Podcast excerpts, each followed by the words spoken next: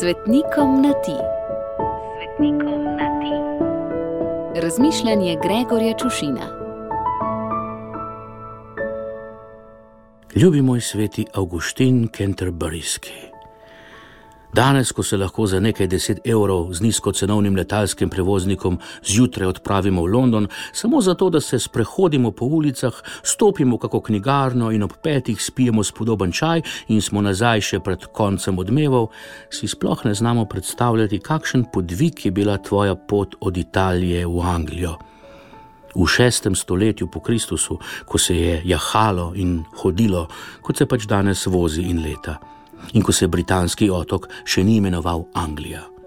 Bil si predstojnik benediktinskega samostana v Rimu, v katerem je bival tudi kasnejši papež Gregor Veliki. Ko rečem bival, je to treba vzeti čisto dobesedno. Bodoči papež je namreč svojo lastno hišo spremenil v samostan.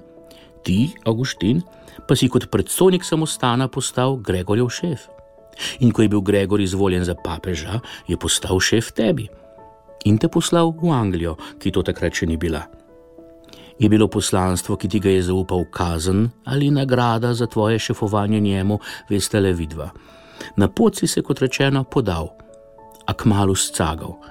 Kaj ti kot danes angliški nogometni navijači, so prebivalci britanskega otoka že takrat sloveli kot barbarski huligani. In se torej ne gre čuditi, da danes pred divjimi hordami z otoka trepeta, če že ne v svet, pa vsaj Evropa, kaj ti krini voda. In tudi ti si se ustrašil strašnih novic o otočanih in si se obrnil in vrnil v Rim. A Gregor ni odnehal in te je poslal še enkrat. Ne vem, ali si preplul ali preplaval rokavski preliv a dejstvo je, da si lastnoročno krstil pol Anglije, ostalo polovico pa že ta, krščena polovica. In to ni edino uspešno sodelovanje med kakšnim Augustinom in kakšnim Gregorjem, ki ga pozna zgodovina.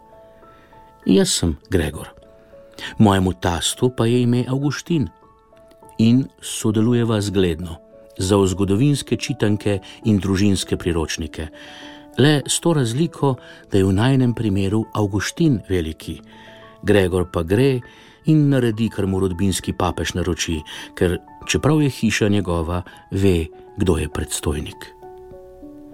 Ljubi sveti Augustin, obilo žegna za tvoj god, pa nam ga vrni in izli na nas. Gregor.